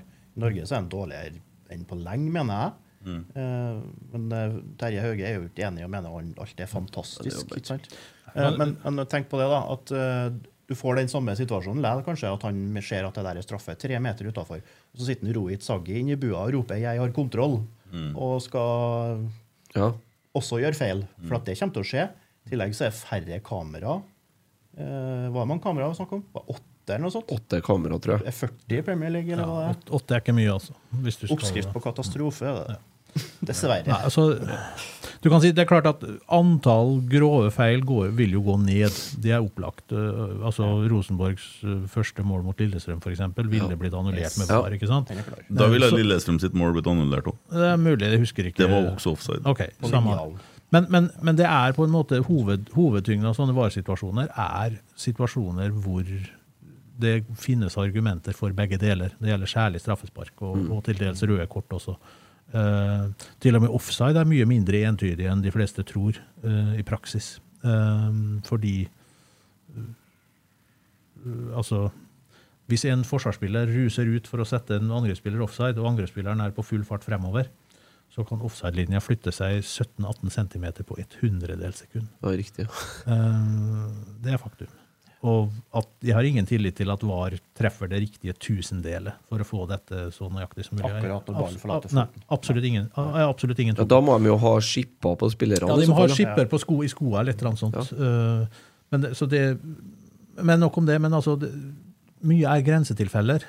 Og så sier man nå i Premier League at sånne helt marginale offside-situasjoner skal gå. og sånn. Ja vel, men da er, hva er marginalt? Er det fire centimeter, er det seks, eller er det to? Eller, altså, du, du kommer aldri unna disse grensesituasjonene, og dermed så er du egentlig like langt. Bortsett fra at sånne klare feil, fire meter offside og sånn, ikke det blir tatt, da. Men da går vinninga opp i spinninga. Altså. det har vært situasjoner i Premier League da, der du ser veldig klart at det er offside. Mm. Hvis man sier nederste del av armen eller noe sånt gjør til at det ikke er det, eller et eller Mm. annet skuldra eller ja. Ja, men uh, for, for egentlig for å flette inn VAR litt i publikum Altså den eh, den vanligste type fotballsupporter som du beskriver, da, som, er den loj som går dit av lojalitet, av eh, tilhørighet, som er opptatt av fotballkampen og er laget sitt. Jeg mener jo i utgangspunktet at VAR, innføringa av det, det ødelegger rett og slett for den viktigste konsumenten eh, fotballen har. For eh, det tror jeg faktisk at det ble mindre fotballinteresse når de drev og spilte for tomme tribuner her under korona. For det gir ikke folk noe å sitte og se på en fotballkamp uten Nei, det var veldig dødt, og sånn falsk publikumslyd var enda verre. Ja, det var forferdelig. Men, men, øh, men øh, Nei, altså, jeg tror også at det, det ødelegger noe grunnleggende ved sånn Eller det ødelegger noe fundamentalt ved fotballens grunnleggende stemning, som er en sånn anspent nervøsitet som får sin plutselige utløsning i en tilfeldig scoring. Altså, tenk hvor Tenk hvor plutselig mål som regel kommer i fotball. Hvis du ser bort i ti sekunder, sitter og kikker på mobilen din, så er- ligger plutselig ballen i mål. Du hadde ikke Det kan skje i løpet av fire-fem sekunder. Det tok, har det det tok seks sekunder fra Ja. André Hansen hadde ballen til, til den lå i mål etter den Tengstedt skåra. Ja.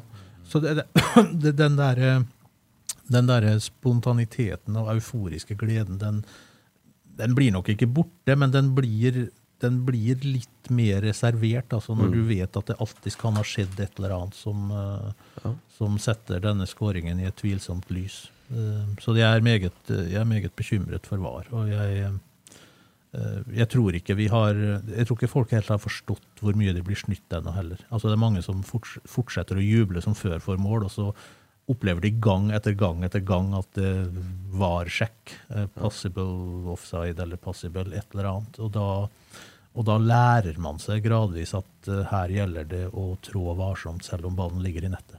Og det, det er ikke noe bra for fotballatmosfæren. Altså. Nei. Nei, det er jo en av de plassene folk får ut følelsene sine, og så får brøla ut Ja, det er jo den vanlige tolkningen av Ja. hva fotball gjør med oss. Det er en sånn trykkoker som Nick, Nick Hornby skriver i den der fever pitch om hvordan han var på sin første fotballkamp. Da tror jeg han var i følge med foreldrene sine.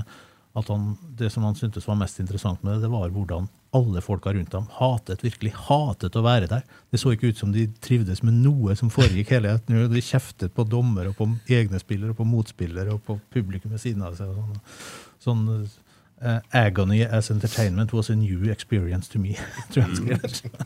Ja. ja. Og nå skal trykkokeren bare slippes litt mindre opp i gangen, da, liksom. Ja. Så det blir sånn Det er altså fotball altså 100 meter sprint eh, på, i OL og sånn, det er rettferdig. Førstemann til mål vinner, det er aldri noe tvil. Fotball har aldri vært rettferdig. ikke sant? Det skal er- ikke være det, Nei, eller? det skal ikke være det. Det skal være, det skal være fotball. Det er så mye mytologi ved fotball. Ja.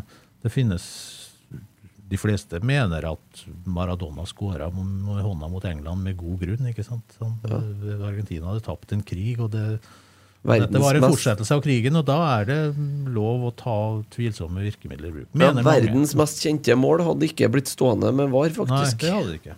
Så det sier vel egentlig Det er vel egentlig grunn nok til å ikke innføre det dritten her, for å si det rett ut. Er ikke straffen til Kjetil Rekdal verdens mest kjente mål?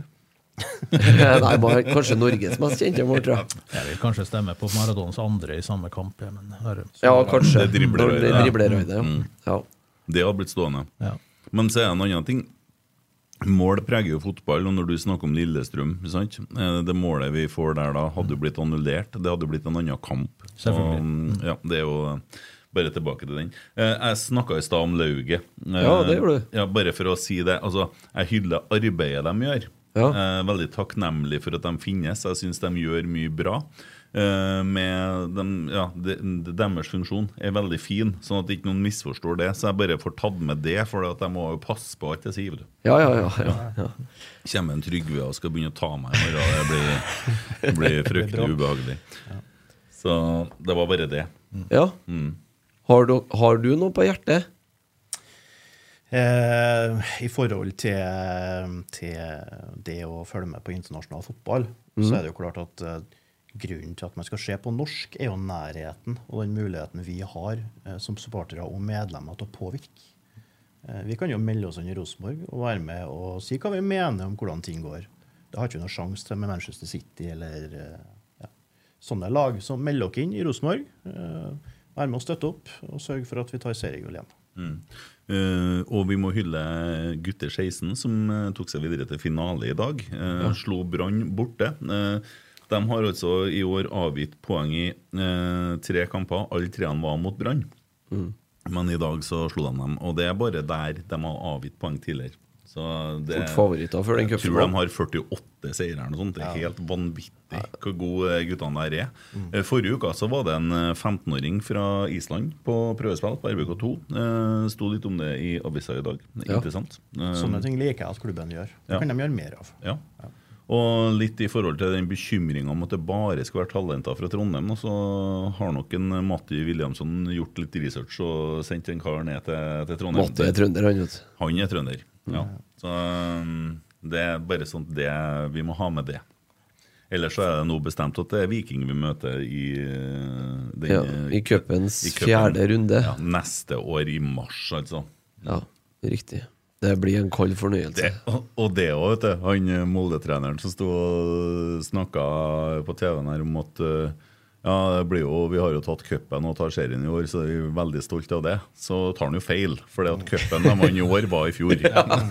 så, eh, bare så det er på det rene, for cupen i år, den er neste år. Ja, men, så, men altså, det må nesten få lov å være unnskyldt av Elling Moe der, vet du. For det rart det er jo ikke rart det går i surr. Nei, nei, vi kan forstå det. Eh, Men eh, er det sånn å forstå, da altså Vi snakker om eh, dommere, og vi har snakka litt om NFF. Er avstand fra eh, gressrota, eh, supportere Jeg liker ikke ord som fans. jeg. Eh, Supporter, det er litt sånn annet. Eh, Det blir veldig stor avstand mellom folket og dem som sitter og bestemmer ting. Altså Det var avgjørelser, og den ble tatt ganske godt over hodet på folk. Der de sier at nei, klubbene har vært med og bestemt det. De har jo ikke det. Altså Ingen som har forhørt seg med noen supportere her. Nei, ikke med supportere, så vidt jeg vet. Eh, Jeg vet det må jeg innrømme at jeg vet ikke hvor stor, hvor stor rolle klubbene har spilt i innføringen av dette her. Men, eh, men det er nok sånn, altså fra deres perspektiv, det er nok sånn at når en teknologi som tilsynelatende er effektiv, tilbys, så, så blir den som regel tatt i bruk, dessverre. Det er, det er nok eh, Jeg frykter at akkurat når det gjelder VAR, så er det nok ingen vei tilbake, altså. Det- Men det er, nei, det, det frykter jeg òg. Men det er jo først ikke prøveordninger, det her. Nei, nei, nei. Men det er jo første gangen at en eh, Åh, nå ble det helt jernteppe her. Eh, altså en TV 2, da, som er da distributør av Eliteserien fra og med neste år, de skal òg da i tillegg levere VAR-produktet. Ok. Mm. Eh, og så er jo det for så vidt en interessekonflikt som er litt interessant på flere måter. Men altså, det er jo første gangen at det skjer. Det er jo ikke vanlig, det. Nei. Det er jo ikke sånn at Sky Sports eller hvem det er for noen leverer vareproduktet til Premier League. Det er jo et annet selskap. Ja, Så- Du syns du ser de begynner å rote seg til?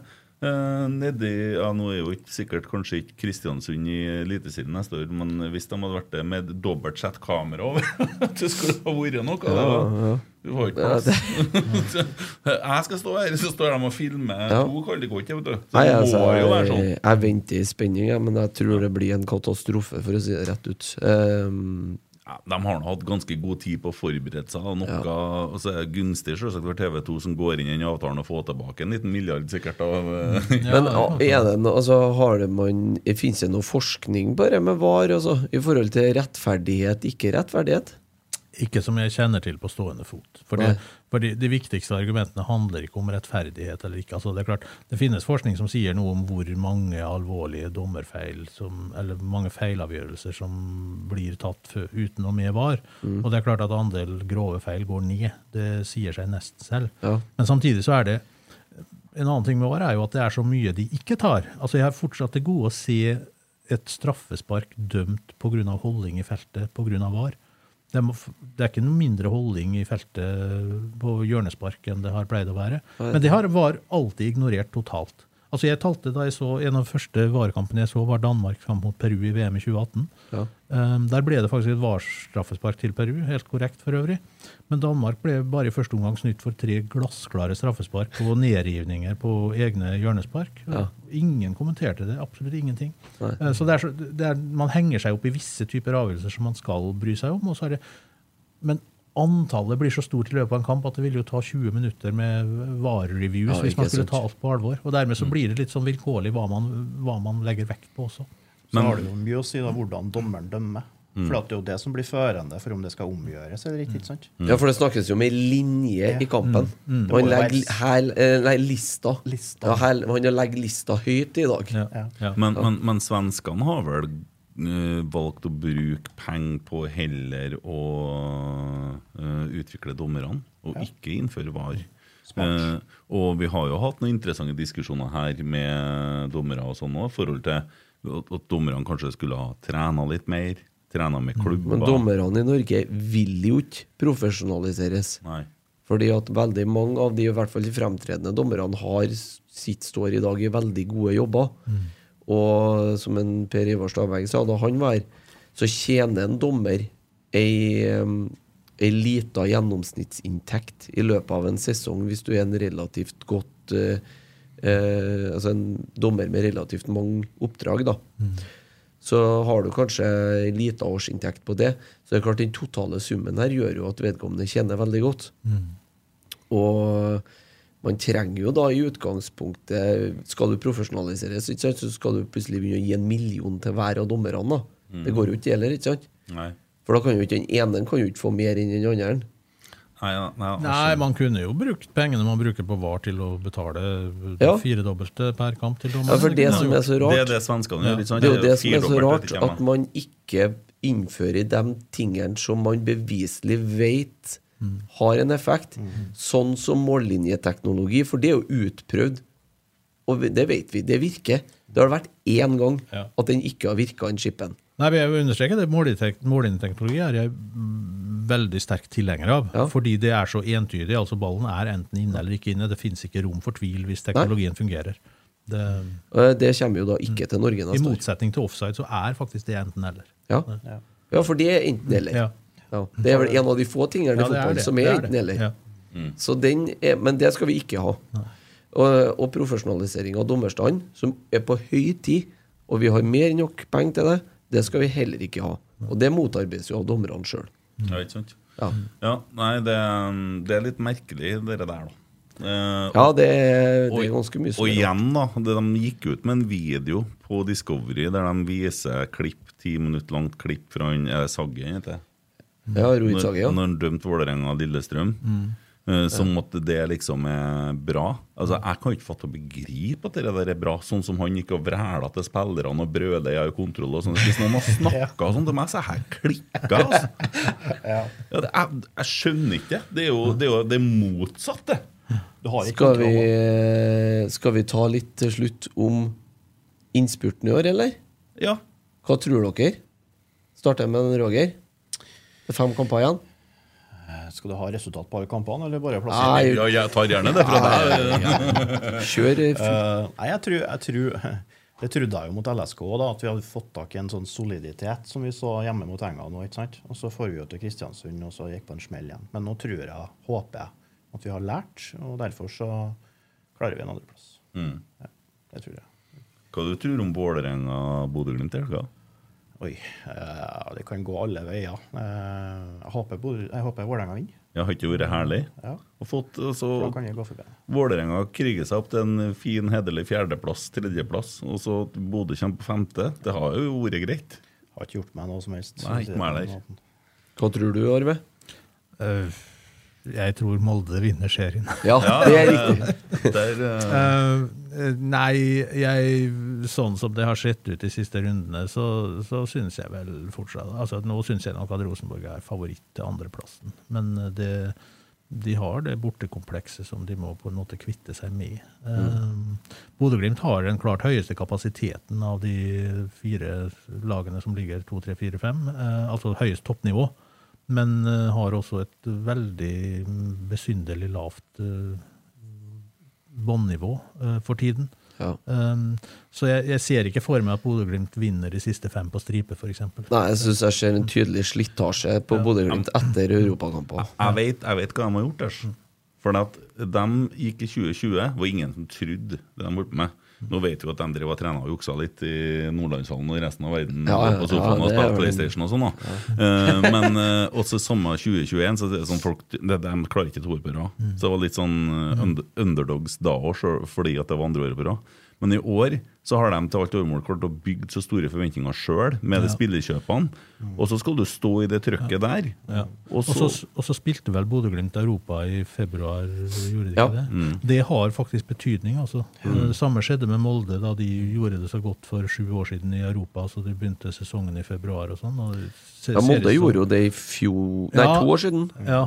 2020. Men det var særlig da de, Ja. de sjokkerte ved å slå både Celtic og mye rart i, i gruppespillet i den Europaligaen. Og så Ja. De til noen kamper i februar, og de toppet formen til da. Og da, da falt resten av sesongen mye i fisk, altså. Og det har nok det skjedd i Bodø også i år. Selv om Bodø-Glimt er et mye bedre lag. 2016 var det. Ja. Og så skal, skal, skal Bodø nå spille mot Arsenal i morgen.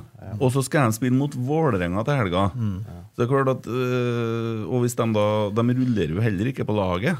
Så ja. Det er fordel Vålerenga, akkurat det. For Ja, det, er, det er også en sånn mental nedtur å, å komme til, eh, til Oslo etter å ha spilt mot Arsenal. Ja. Eh, Jeg tror de hadde ni kamper på en måned, Bodø-Glimt. Mm. Mm. Og så skal de til Wien før oss. Mm. Tre dager før. Herlig. Så den er bra. Håper, håper Selnes uh, leverer. Ja, ja, Ole leverer, vet du. Ja, eh, nei, det blir en spennende serieinnspurt. Bare for å si det, på søndag så kjører vi Fotballekstra i studio. Uh, jeg vet ikke, vi skal prøve å se. Vi har kommet litt klager på litt hakking i dag. Ja, det må gjøres en Ja, jobb vi, der, tror jeg. vi skal prøve å fikse det sjøl. Vi orker ikke å snakke med Nidaros, vi prøver å ordne sjøl. Ja, Ja. prøv. Eh, Kjetil Rekdal kommer og skal da sitte og se kamper her. Eh, så det blir jo Rosenborg spiller jo på lørdag. Ja, Rosenborg spiller på lørdag, ja. Og da skal vi på kamp. Ja. Mm. Og så blir det fotballsending på søndag. Så legg ut en liten tweet om det, og folk kan sende inn, så har vi litt å snakke om. Eh, det ordner seg vel lell, sikkert. Det blir alt fra trening, cola til ja, det blir jo sikkert eh, spennende nok å sitte og se mm, Vålerenga og Bodø-Glimt, vil jeg tro. Ja. Skulle kanskje ha fått med oss han materialforvalteren fra start til å Ja. Da må det var, tror jeg. ja. Ja, det tror jeg jo. Jeg har i hvert fall kosa meg veldig med i dag. Dette er sånn eh, type tema som jeg er veldig glad i, og så er det litt interessant å høre både hva en som er litt opptatt av medlemsdemokrati og er litt konservativ supporter, mener. Litt lik meg sjøl, og ikke minst eh, du, Arve, som har jo jobba med det tross alt i så mange år. Og konservativ er jeg også. når Ja, det ja, det tror jeg òg. Jeg tror du er ganske lik, lik oss, egentlig. Ja. Så eh, tusen takk for at dere kom. Takk for det. Selv takk. ja. Hyggelig. Da ses vi på kamp på lørdag. Ja. Lørdag 18.00 mot Godset. Heia Rosenborg.